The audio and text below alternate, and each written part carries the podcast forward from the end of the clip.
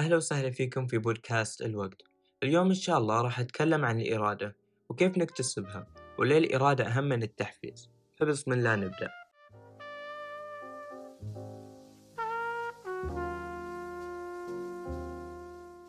بالبداية راح نذكر تعريف الإرادة. وفقا للجمعية الأمريكية لعلم النفس قوة الإرادة هي القدرة على مقاومة الإشباع قصير المدى سعيا لتحقيق أهداف طويلة المدى. يعني باختصار مقاومة كل ما تميل إليه النفس. ولكن وش اللي يخلي نعتبر الإرادة؟ أفضل من التحفيز رغم أن الإرادة والتحفيز لهم نفس الهدف وهو إعطائنا الدافع لعمل شيء معين. طيب راح ناخذ مثال وهو المذاكرة. عندنا شخصين.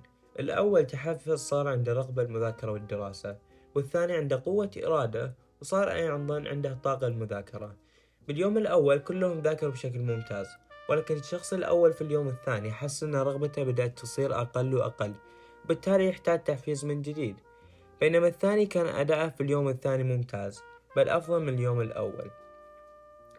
من هالمثال نستنتج أن التحفيز شيء محدود بينما الإرادة شيء غير محدود تعتمد على الشخص نفسه ولا تعتمد على عوامل خارجية زي ما تعتمد عليها التحفيز. ولكن مش نعني بأنها تعتمد على الشخص نفسه. في الحقيقة قوة الإرادة أو كما يطلق عليها عضلة الإرادة تستنزف فهي نفس العضلة تمرن وتصير أقوى وأيضا تستخدم وتصير أضعف من قبل. في أحد التجارب اللي قام فيها البروفيسور روي بيومستا وهو بروفيسور في علم النفس في جامعة فلوريدا قام بإحضار مجموعة من الطلاب وعزل كل شخص في غرفة لحاله. كانوا الطلاب مقسمين لمجموعتين المجموعة الأولى كان يفترض عليهم أكل فجل والمجموعة الثانية كان متاح لهم أكل الشوكولاتة.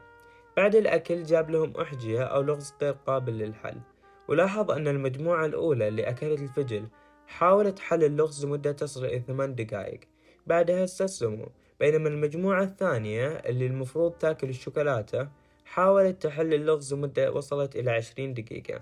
فاستنتج من هالتجربة بأن الإرادة مثل العضلة تمرن وتستنزف وتضعف.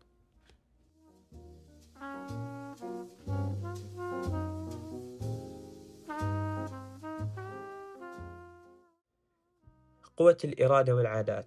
الإرادة تلعب دور كبير في بناء العادات بحيث أن الإرادة تمثل وقودنا اللي يخلينا نسوي عادة معينة. لأن لو كنا نعتمد على التحفيز فالتحفيز محدود وليس كافي لجعل العادة تلقائية. البروفيسور روي توصل أيضا إلى أن العادات في بدايتها تستنزف طاقة كبيرة من الإرادة بينما مع مرور الوقت راح تصير عضلة الإرادة أقوى بالتالي راح تستنزف العادة قوة إرادة أقل للقيام فيها. طيب كيف نمرن العضلة هذه؟ من تجربتي الشخصية لاحظت أن إرادتنا تزيد كلما أدركنا أهمية الشيء اللي يحتاج منا هذه العضلة فعلى سبيل المثال الشخص المدرك لأهمية الدراسة راح تكون عضلة إرادته قوية بالتالي ما راح يحس أنه جالس يتصارع مع نفسه داخليا للقيام بمهمة مثل المذاكرة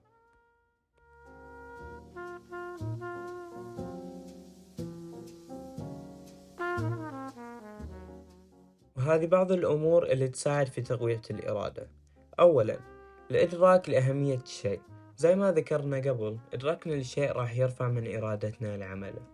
ثانيا قليل مستمر خير من طويل منقطع. من أساسيات بناء العادات وهو البدء بالقليل. وزي ما نعرف أن يوجد علاقة متبادلة بين العادات وقوة الإرادة بحيث أن وجود الإرادة يساعدنا على العمل بالعادة. وجود العادة يساعدنا على تحريك عضلة الإرادة. ثالثا حاول أنك تستعمل طاقة الإرادة بأفضل شكل ممكن.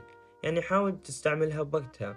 مثلا الكثير يفضل التمرين الصباح لأنه يشعر بطاقة في هالوقت. وبكذا شرحنا قوة الإرادة بشكل مبسط.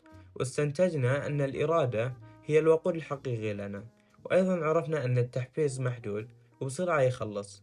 إذا عجبتكم الحلقة لا تنسون الاشتراك والنشر مع المهتمين في تطوير الذات. كان معكم عبد العزيز إبراهيم. وشكرا لاستماعكم بودكاست الوقت.